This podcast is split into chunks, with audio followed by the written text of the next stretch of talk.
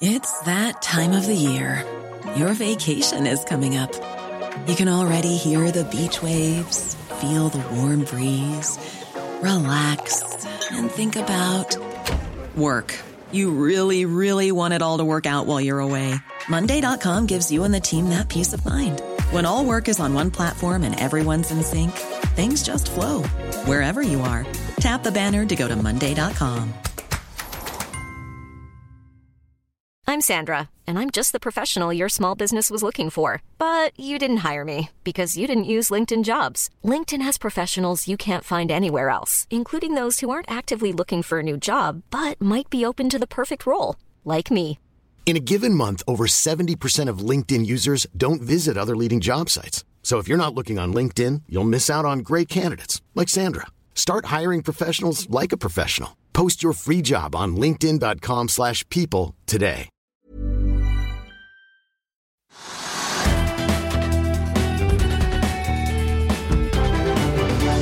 En riktig god tirsdag alle sammen, og velkommen til Økonominyhetene. Dagen derpå, på godt og vondt, får vi si, for mange norske politikere. Mitt navn er Marius Lorentzen.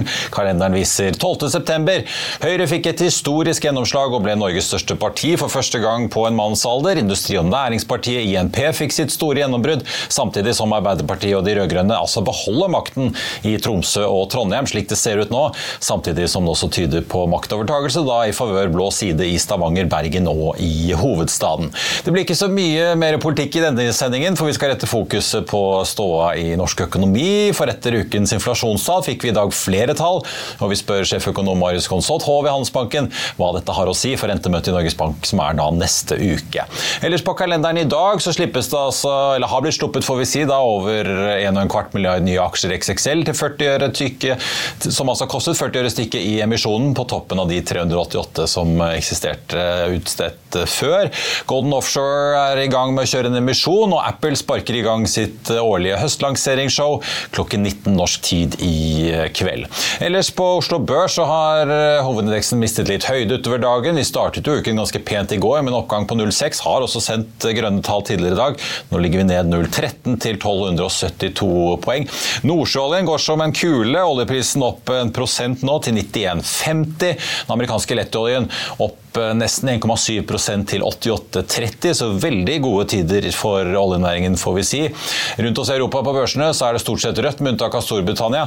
Og det ser også ut til at vi får en negativ start på Wall Street, hvis vi ser på futuresene for SMP og Nasdaq, etter gårsdagens oppgang i New York. Litt blandet i de asiatiske markedene tidligere i dag. Jeg nevnte jo Golden Energy Offshore. De vurderer jo da å gjennomføre en emisjon for å hente inntil 30 millioner dollar for å da fullfinansiere skipskjøpene sine og dekke opp et ventet arbeidskapitalsbehov. Selskapets største aksjonær, Oaktree Capital, sier at de vil tegne seg for 12,8 millioner dollar. Aksjen har falt ganske mye i dag. Vært ned tosifret, ligger nå ned 8,2% til 1 krone og 10 øre. I slutten av august meldte jo Hyon, hydrogenselskapet, at de har vedtatt å oppløse selskapet. I hvert fall Styret vil jo da anbefale det for en generalforsamling i selskapet. Mandag kveld så kom det en melding om at de har mottatt indikasjoner fra tredjeparter angående potensielle transaksjoner, som er foreslått da i form av at man skal slå Hyon sammen med privateide virksomheter. Styret mener nå at det kan være mulig å oppnå en avtale som er mer fordelaktig enn en oppløsning av selskapet, og aksjen har vi si, spunnet nesten ut av kontroll i dag. Vi har sett oppgang på godt over 80 Vi ligger fortsatt på 81% opp til 21 øre. Så får vi jo merke oss likevel da at denne oppgangen kommer etter et fall på nærmere 90% så langt i år. På shippingfronten skjer det mye når det analytiker Erik Hove tar opp dekningen på fire shippingaksjer tirsdag.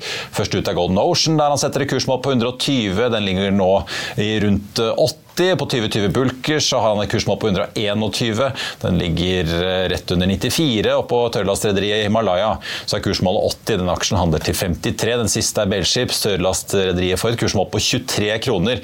Aksjen litt opp i dag til snaue 17. Så får vi ta med at Erik Hove kommer hit til Børsmorgen i morgen tidlig. Før vi kjører videre, vil jeg bare minne om at hvis ikke du rekker å se denne sendingen, så kan du også høre den og søke opp Økonominyhetene på Spotify, Apple Podcast eller ved å gå inn på fi.no podkast. I går kveld kom meldingen fra SAS om at de utsetter fristen for å gi bud i emisjonen som er planlagt for å hente da, i hvert fall så langt vi vet, rundt 10 milliarder svenske kroner i frisk eh, kapital på toppen av en gjeldskonvertering på rundt 20. Den nye fristen for potensielle friere i kronerullingen er da 25.9, og denne fristforlengelsen kommer på oppfordring fra en eller flere budgivere, ifølge da meldingen fra SAS som kom i går kveld. I Børsmorgen i morges så hadde vi besøk besøk av forvalter i Storebrand Hans Trane Nilsen, og vi måtte spørre han om han hadde vært villig til å stille opp med frisk kapital til SAS. Fondet hans eh, feirer for øvrig 40-årsjubileum denne uken, med det første innskuddet 14.9.1983. Bare hør her. Vi må bare spørre før vi går videre på beholdningen her. Altså, hva skal til for at du setter penger i SAS nå? Oi. Uh, Gjeldsforhandlinger er komplisert, og det er nok en funksjon av hvor mye gjeld- og leasingforpliktelser som blir borte. Forretningsmodellen til SAS er litt i et hjørne, for de har dyre billetter og dyr drift. Om den virker, får de nesten forklare når de er ferdig med å forhandle gjelden. For det viktigste for dem er nok å bli kvitt fremmedkapital, det de skylder. Det er en for tung bør å bære med dagens drift i SAS. Og der har du jo ellers i fondet nå så er det Telenor som ligger på mm. topp, etterfulgt av Aker og Yara. Mm. Hvorfor er det akkurat disse tre som er på toppen hos deg? Det er selskapet vi liker akkurat nå. Og selskapet har de 40 årene det har vært forvaltet, vært forvaltet etter tanken om at vi skal prøve å plukke best mulig aksjer. Vi har ikke vært noe historisk spesielt gode på å plukke sektor eller faktor. Men vi har alltid vært gode på å klare å dra ut litt hvert eneste år av uh, enkeltaksjer på Oslo Børs. Det er det vi har sett også i at det er en børs som er liten, gir mange muligheter. Og på de 25 årene jeg har vært i Storbritannia, så har vi stort sett hvert år klart å dra ut litt. Grann. Selvfølgelig to enkeltår som har vært dårlige, hvor vi ikke var noe flinke. Men summen har du, som fondsavkastninger viser, blitt veldig, veldig bra på lang sikt. Vil du bli oppdatert på det viktigste som har skjedd innen finans og næringsliv? Da er det bare å følge med, for hver morgen er jeg, Marius Lorentzen og aksjekommentator Karl Johan Malnes på plass i studio for å ta tempen på dagens marked i Børsmorgen. Og hver ettermiddag oppsummerer vi alt du trenger å vite i økonominyhetene, og det blir selvfølgelig masse interessante gjester. Klikk deg inn på fa.no-tv, eller søk opp Børsmorgen og Økonominyhetene der du hører på podkast.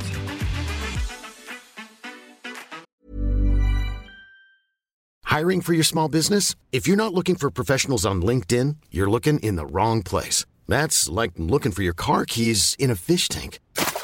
LinkedIn helps you hire professionals you can't find anywhere else, even those who aren't actively searching for a new job but might be open to the perfect role. In a given month, over 70% of LinkedIn users don't even visit other leading job sites. So start looking in the right place. With LinkedIn, you can hire professionals like a professional. Post your free job on linkedin.com slash people today. I'll see you in court. Vi sier det ofte litt på spøk, men for deg som driver business, er det aldri moro å innse at du ikke har laget en 100% gyldig kontrakt. Du bør ikke risikere hele firmaet ditt fordi du synes dette med kontrakter er litt stress. En avtale er ikke en avtale. Du kan miste kunder, miste venner, ja, til og med miste inntekter om du ikke lager en skikkelig kontrakt, på alt mulig, egentlig. Men vi vet det er et styr, kopimaskiner, tregprinter og haugevis av papir. Dessuten stoler vi jo på folk her i landet. Det er ofte litt kleint å skulle be om en signatur for alt mulig, ja, for mye av styret handler også om jakten på underskriften. Det finnes en enkel måte å løse dette på, Dukkobit, en trygg, effektiv og get this, gratis måte å sikre seg en god natts søvn pluss en juridisk bindende avtale. Dukkobit-appen har de strengeste sikkerhetskrav i bunn, samt en EU-godkjent og sertifisert teknologi. Framover vil det bli behagelig å spørre du, skal vi skrive under på det, eller? Kom i gang på dukkobit.no.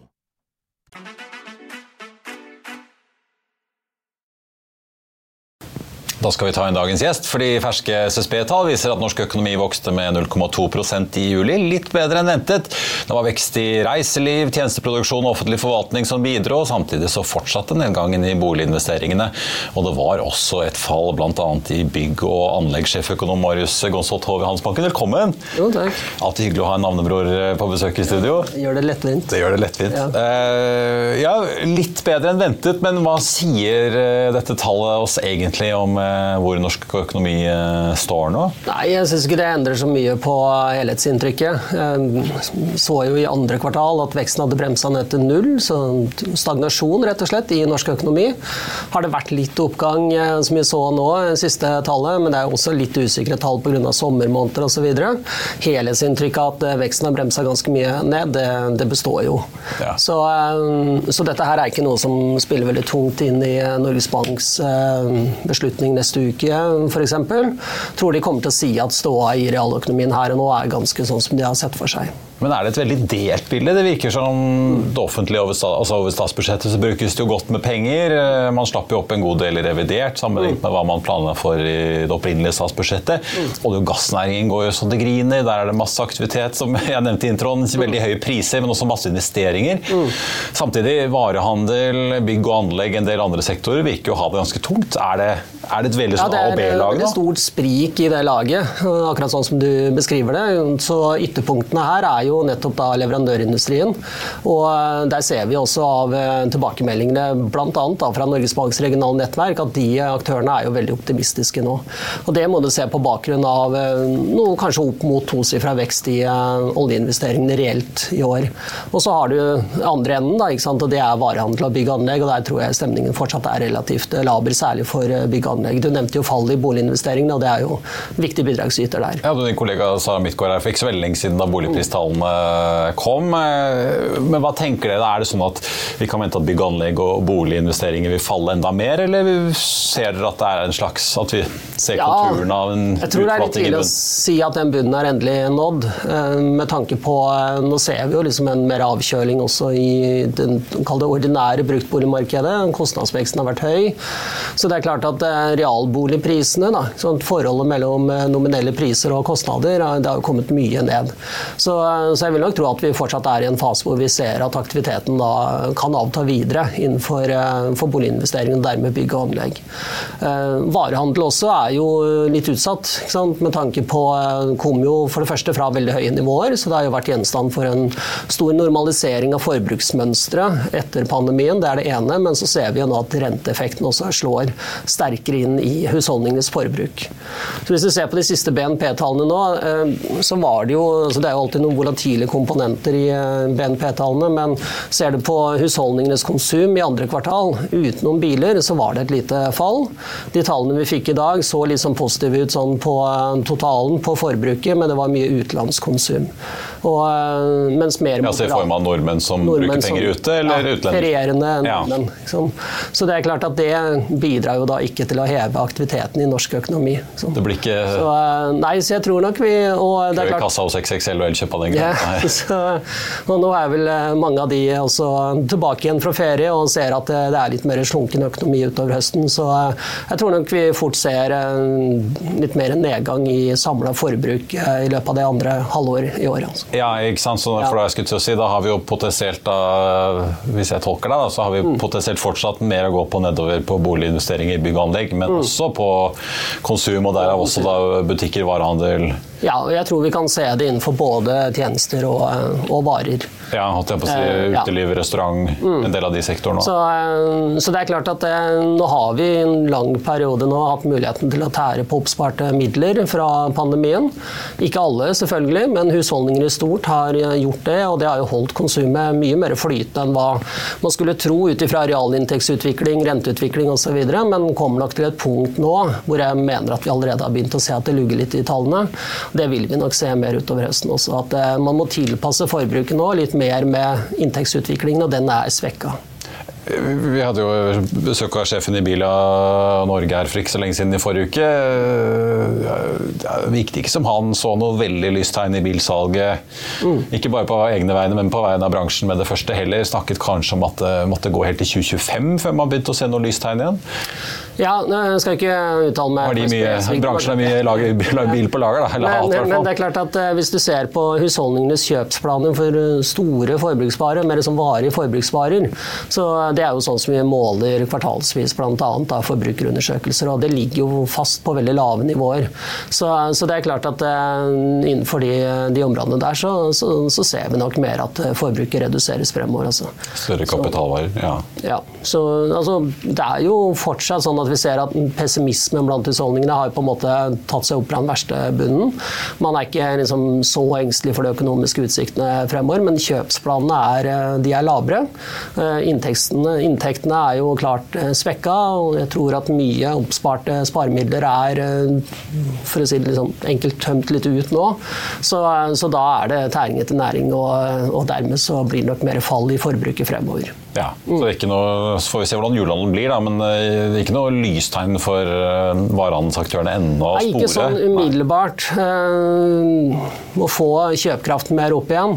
Nå ser vi at uh, totalinflasjonen er så raskere på vei ned, og lønnsforventningene ligger høyt. Så det er klart at uh, omsider så kan man jo nå se mot positiv reallønnsvekst igjen. Men det er klart at Norges Bank er ikke helt ferdig med å heve renta heller, og det spiser jo godt av budsjettene.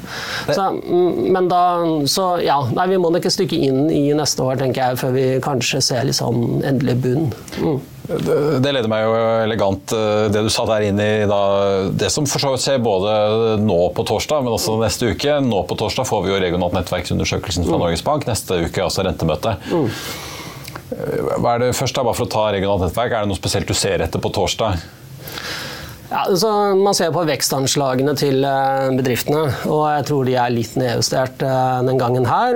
Kanskje produksjonsforventningene nå ventes å være type nullvekst fremover. Det er litt i tråd med det vi har sett i BNP-tallene og det vi har sett i litt andre undersøkelser. Norges Banks forventningsundersøkelse bl.a. Ser jo der at eh, respondentene da nedjusterte jo nå, altså næringslivet, sysselsettingsplanene fremover og så for seg litt svakere lønnsomhetsutvikling. Det er litt sånn indikasjon på at vi kan se litt lavere vekstutsikter nå i, i nettverket. Um, det andre som blir veldig viktig, er jo da kapasitetspresset i økonomien, sånn som det rapporteres.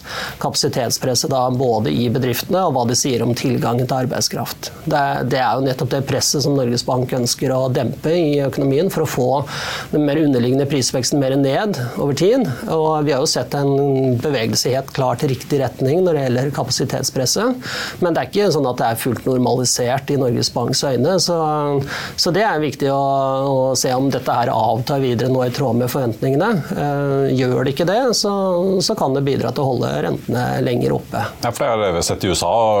ledigheten, Nå tikket den riktignok litt oppover i den forrige jobbrapporten fra USA, opp til 3,8 vel, men likevel Det er vel det sentralbankene går og ja, jakter etter tegn på at uh, det blir et sånt litt oppslitt. Mindre stramt, ja. og, og, at presset i vid forstand da, tar seg mer ned ned. og helt klart, det ser vi her hjemme at eh, det har gått eh, åpenbart den veien.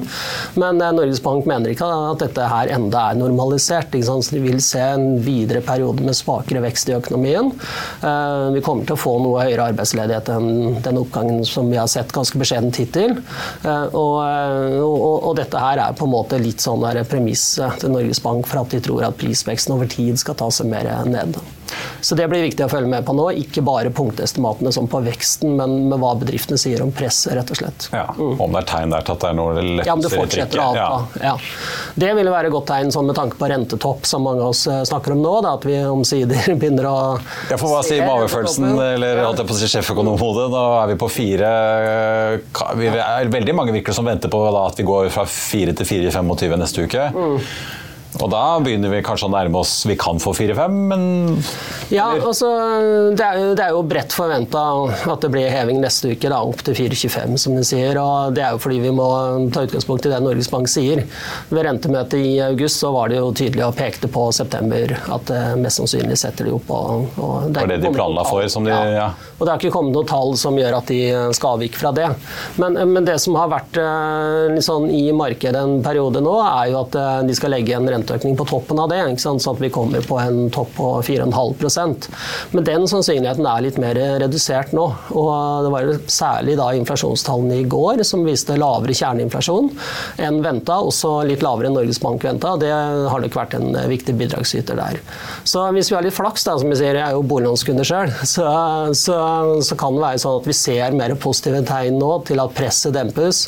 Norges Bank kan være litt tryggere på at eh, prisveksten også gradvis er mer på vei ned, så, så kan det hende at 4,25 er, er, høy nok rentetopp i denne omgangen her. Sånn. Så blir spørsmålet hvor lenge det holder, altså om de holder det trykket i bare noen måneder eller holdt jeg på ja. et helt år. Da jeg snakket med Ida Wolden Bakke under Arendalsuken, da hun var med i sendingen etter rentemøtet, så var hun ganske opptatt av å få frem at de er opptatt av å ha handlingsrom mm. begge veier her. Mm. Litt sånn hvis det plutselig skulle bli en bråstans og at de må korrigere litt ned. Men litt som du sa, hvis man ser på disse prisveksttallene ja, de falt jo ned til, fra 5,4 til 4,8 på, på, konsumprisindeksen i august. Men kjernen som da holder strømprisen utenfor særlig, da, som, som ja. har bidratt til å trekke dette ned, ligger jo da ja, Den gikk fra 6,4 til 6,3, men det er fortsatt, over, er fortsatt godt over 6 ja, så det er jo og, godt over tregangeren av hva de egentlig skal ligge på. Ja, og hvis du ser på sesongjusterte tall, regner om til årsrate og ser litt utvikling de siste månedene, det er fortsatt langt over inflasjonsmålet, så,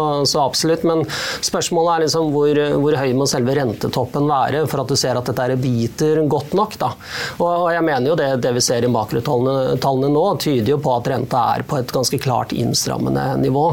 Eh, men så er det neste diskusjon da er det sånn, skal vi legge én ekstra økning på toppen der. Jeg syns sannsynligheten for det er redusert etter de siste inflasjonstallene, men Norges Bank vil nok holde den muligheten åpen. Men så er det liksom varigheten på dette her. Da. Hvor lenge kommer vi til å ligge rundt rentetoppen gjennom det kommende året? Hva tror du? Altså, jeg snakket med, med Trygve Hegna her i går, som pekte på at det tar jo tid, som Norges Bank selv er åpne om, mm. fra de øker renten til det får full effekt mm. ut i økonomien. En ting er jo varslingstiden til boliglånskunder, mm. som er en del x antall uker. Men det tar jo tid før dette kverner seg gjennom hele systemet. Folk strammer inn forbruket, butikkene snur rundt og tar sine grep igjen. Hvor lenge tror du da man ligger på det platået? Nei, det, er 4,25 eller 4,50? Nei, det er det. Altså, jeg skal være litt forsiktig, for vi kommer med nye prognoser neste uke. Men, men det vi har hatt God reklame, det skal vi i hvert fall få med oss. Ja. Eh, men det vi har hatt i prognosene så langt, er at Norges Bank vil heve til 4,25% i september. Og det er det de har sagt nå også. Sånn, så, så, det er ikke noe endring der. Og vi har jo sagt at det er toppen i våre prognoser, og så er risken for at det kan bli en til. Men eh, vi har jo i utgangspunktet da sett for oss rentekutt eh, midten av neste år. Det må vi tenke på om vi skal skyve litt mer ut i tid. Mm. Og, og, det er ikke bare sånn avhengig av uh, norske forhold. Uh, dette må vi jo se opp mot den internasjonale forventa renteutviklingen også. Nå er det jo kommende rentemøter i ECB og Fed. Ja, det er også over i morgen på torsdag. Det er vel ja, venta at de skal ligge uendret, og kanskje Fed gjør det samme, eller? Ja, det er stor usikkerhet rundt ECB, rundt akkurat beslutningen. Det er nesten 50-50 der nå, og sånn blant analytikere som sånn marginalt flertall som venter at de holder renta i ro. Men så er det jo venta at det da heller kan komme renteøkning etter det igjen. Så, så de forventningene er dytta litt mer ut i tid. Uh, USA så er det jo bredt forventa at de tar en pause nå neste uke, men det er jo prisa nesten 50-50 der også for at det kan bli en heving i fjerde kvartal. Så, så, så det at det, det ligger liksom forventninger om at det kan komme noe mer av de store sentralbankene, og da litt senere, uh, det, det, vil jo også spille inn på, på renteprofilen til Norges Bank også. Ja. Og, og, så tror jeg også en sånn siste poeng i forlengelsen av dette her, altså Norges Bank er helt klart opptatt av kronekursen, og de vil absolutt ikke være de første som begynner å sette renta ned igjen. Det eh, hadde nok vært eh, ganske betryggende å se de andre store kanonene gjøre det først, og så kan de heller eh, komme litt etter. Sånn det har jo med rentedifferansen mot utlandet å gjøre, og, hensynet til kronekursen i den inflasjonsdynamikken vi er i nå. Ja, for I denne syklusen på vei opp har de jo plutselig havnet i bakkant, ja, som vi og mange har snakket om. Ja. Som at kronen har blitt veldig svak, i hvert fall en av faktorene virker det som, som ja, har drevet det. det jo, Men da tror du kanskje at de vil, ha, de vil snu det fortegnet litt på vei ned igjen? Da? At de ønsker å ligge litt etter, kanskje? Ja, altså De gjorde egentlig det grepet i juni, vil jeg si. fordi at da var de bakpå. Da hadde vi sett en ganske klar kronesvekkelse, mye mer enn Norges Bank hadde regna med. Inflasjonstallene var klart høyere enn de hadde venta på det tidspunktet. Eh, og det er klart at det, å bli oppfatta som litt sånn soft og ligge bakpå rentemessig da, i en sånn situasjon, det, det kan bidra til ytterligere, ytterligere press på krona. Sånn. Eh, og eh, da tok de en doble renteøkning som kom litt overraskende på markedet, og de oppjusterte renteplanene også mer enn markedet var eh, forberedt på. Så, så, jeg mener at de tok en ganske klart grep der, men det er klart at det er ikke noen ideell situasjon, og det er ikke ideelt å komme tilbake igjen dit, så, så derfor tror jeg også de vil eh, være forsiktige med å si at være tidlig ute med å sette renta ned igjen også, i det klimaet her. Sånn. Det har gjort det dyrt for alle nordmenn som reiser utenlands? Ja. Eh, Uh, ja. det, altså den svake kronekursen altså, sånn, altså, ja. nå, Du kan si Kronekursen per i dag er ganske tett på Norges Banks prognoser. Så, men det er jo en situasjon hvor renteforventningene her er løfta ganske klart sammenlignet med hva som var situasjonen frem mot sommeren. Ja. Så, mm. Marius Gonstatov, sjeføkonom i Handelsbanken. Masse spennende å glede seg til til neste uke. Både prognoser fra dere og en rentebeslutning fra Norges Bank. Mm. Så får vi se hva Kristin Lagarde gjør i Frankfurt på torsdag denne uken. Fra KPI og BNP så skal vi til eh, Visma, gigantbørsnoteringen som det foreløpig har blitt lite av. Karl Johan Mannes hadde noen tanker om tallene som svirrer rundt Visma litt tidligere i dag. Bare se her. Det, det gikk jo rykter om at det var verdt 200 milliarder kroner. Da, og da gikk vi inn og så på de, liksom de sammenlignbare selskapene. Da, Visma er jo som andre selskaper, de vokser gjennom oppkjøp. Og, og, så har de hatt litt problemer, sannsynligvis, sånn som andre selskap med pandemien. Du ser selv et, et, et tungt selskap som SAP meldte at det var problemer med å opprettholde marginene i pandemien, for at du får ikke gjort kundebesøken. Du fikk ikke, du fikk ikke, det er forstyrring av businessen. Altså det, det, er jo en god unnskyldning. Men, men eh, jeg tror det at eh, Visma er rett og slett ikke klar for børs. Altså. Er, hvis du tar en softwareanalytiker, så kommer den, så ser den på, okay, du ser på amerikanske selskap som ADP, eh, som har holdt på siden 1946 og, og kommer med et utgangspunkt fra lønnsutbetalinger, og har de bygd et skybasert serviceselskap på toppen av det. Altså, du trenger ikke å ha null i inntekter når skyen kommer i år 2000 for å bli stor. Så, og de er jo fire ganger så store og har jevnt stabile marginer, sånn 17-18-19-20 og, og, og vokser stabilt og gjør like mange oppkjøp som Visma gjør. Og det er dette du blir målt mot. mot du blir målt mot eh, SAP, eh, ADP, uh, og, og da er jo Visma så på at du kan bli målt mot litt sånn mer sånn famlende selskaper som Workday, som driver og styrer timelistene til altså Et selskap som liksom er, er mye mer sånn styrer timelistene til revisorer, og at de liksom er inne og styrer HR-funksjonen, og, og, at du kan skape en Du kan bli målt på det. For de har slitt med lønnsomheten, men de har klart å overbevise 30 analytikere om at de har 20 margin neste år. Det er ganske godt gjort når du, når du ikke tjener penger. Men det, den muligheten har ikke Visma når du ikke er på børs. Da, hvis du går dårlig, så det er ingen som vet eh, det, det, det, er ikke 30 analytikere der som går rundt og kan tro på at de skal like, ha like stor forbedring som Work de har. Så Dermed så sitter du igjen med at eh, egentlig så er Visma et selskap som er styrt for volumvekst. Eh, ser ut som de sliter masse med å integrere oppkjøp, og at de er ikke styrt for profitt. Og, og, børsen er et sted som styres eh, Det er sted du er for å tjene penger. Det er ikke et sted der du er for å liksom vokse omsetningen. Du kan få ganske bra uttelling på det over tid eh, til å begynne med og at omsetningen også, men plutselig kommer du til et punkt hvor at eh, man vil se at du tjener penger. og Da blir man målt opp mot ADP og SAP og de største selskapene.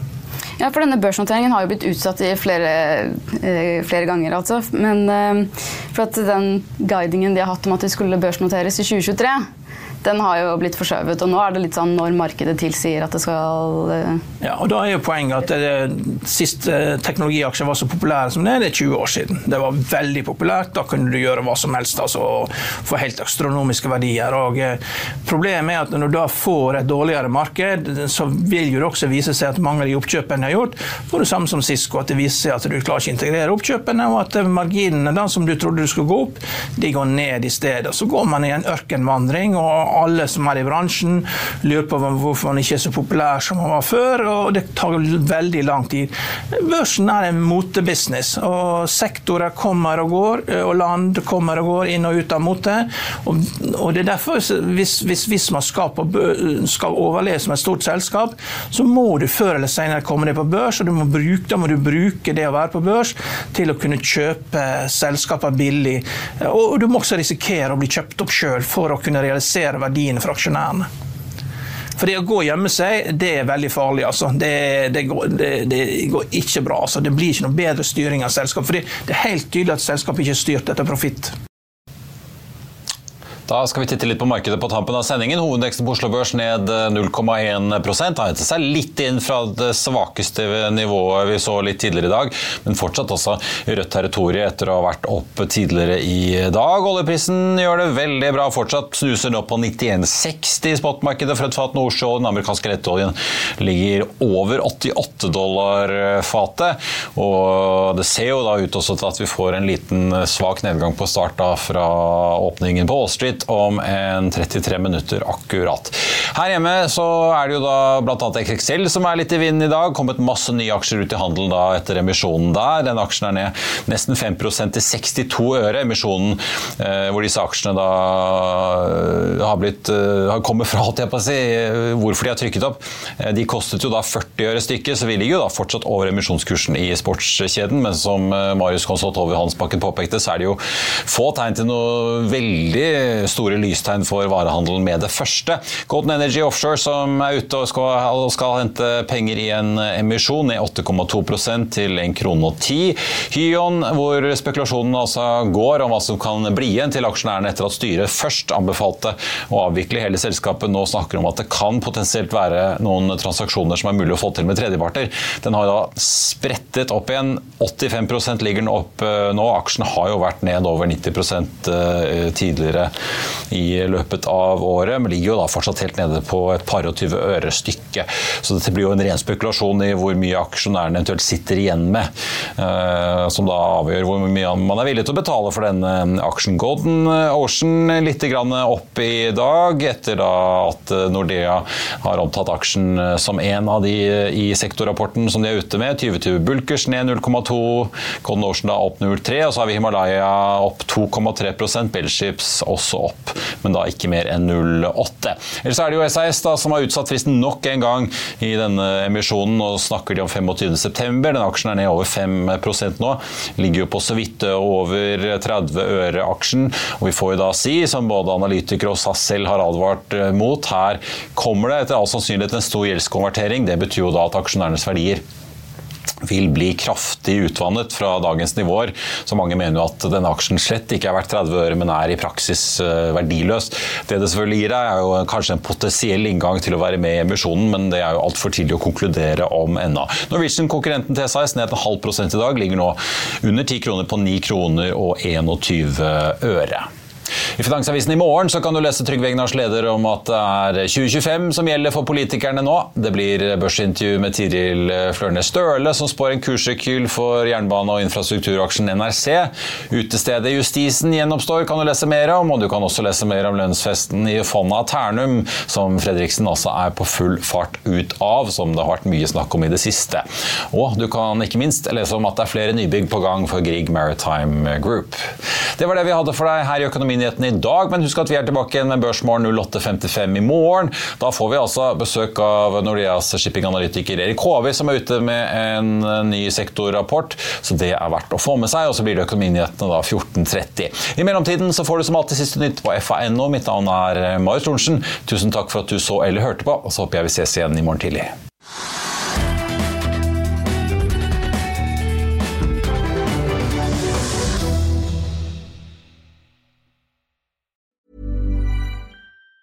Planning for your next trip? Elevate your travel style with Quince. Quince has all the jet setting essentials you'll want for your next getaway, like European linen, premium luggage options, buttery soft Italian leather bags, and so much more. And it's all priced at 50 to 80% less than similar brands. Plus, Quince only works with factories that use safe and ethical manufacturing practices. Pack your bags with high-quality essentials you'll be wearing for vacations to come with Quince. Go to quince.com slash trip for free shipping and 365-day returns. Confidence starts with loving who you are. And when your skin feels nourished and glows on the outside, you naturally radiate confidence from the inside. Give your skin a glow up with Osea's clinically proven Mega Moisture Duo. This ultra hydrating body care features two of Osea's best sellers, Undaria Algae Body Oil and Undaria Collagen Body Lotion. These seaweed powered heroes use skincare level ingredients normally reserved for your face for results you can see and confidence you can feel. Osea has been making clean, clinically proven seaweed infused face and body care products for over 28 years. This luxurious skincare is vegan, cruelty free, and climate neutral certified, so you never have to choose between your values and your best skin. Glow from the inside out. Get 10% off your first order with code GLOW at OseaMalibu.com. That's O S E A Malibu.com code GLOW. Økonominyhetene er en podkast fra Finansavisen. Programledere er Marius Lorentzen, Stein Ove Haugen og Benedikte Storm Bamvik. Produsenter er Lars Brenden Skram og Bashar Johar. Og ansvarlig redaktør er Trygve Hegnar.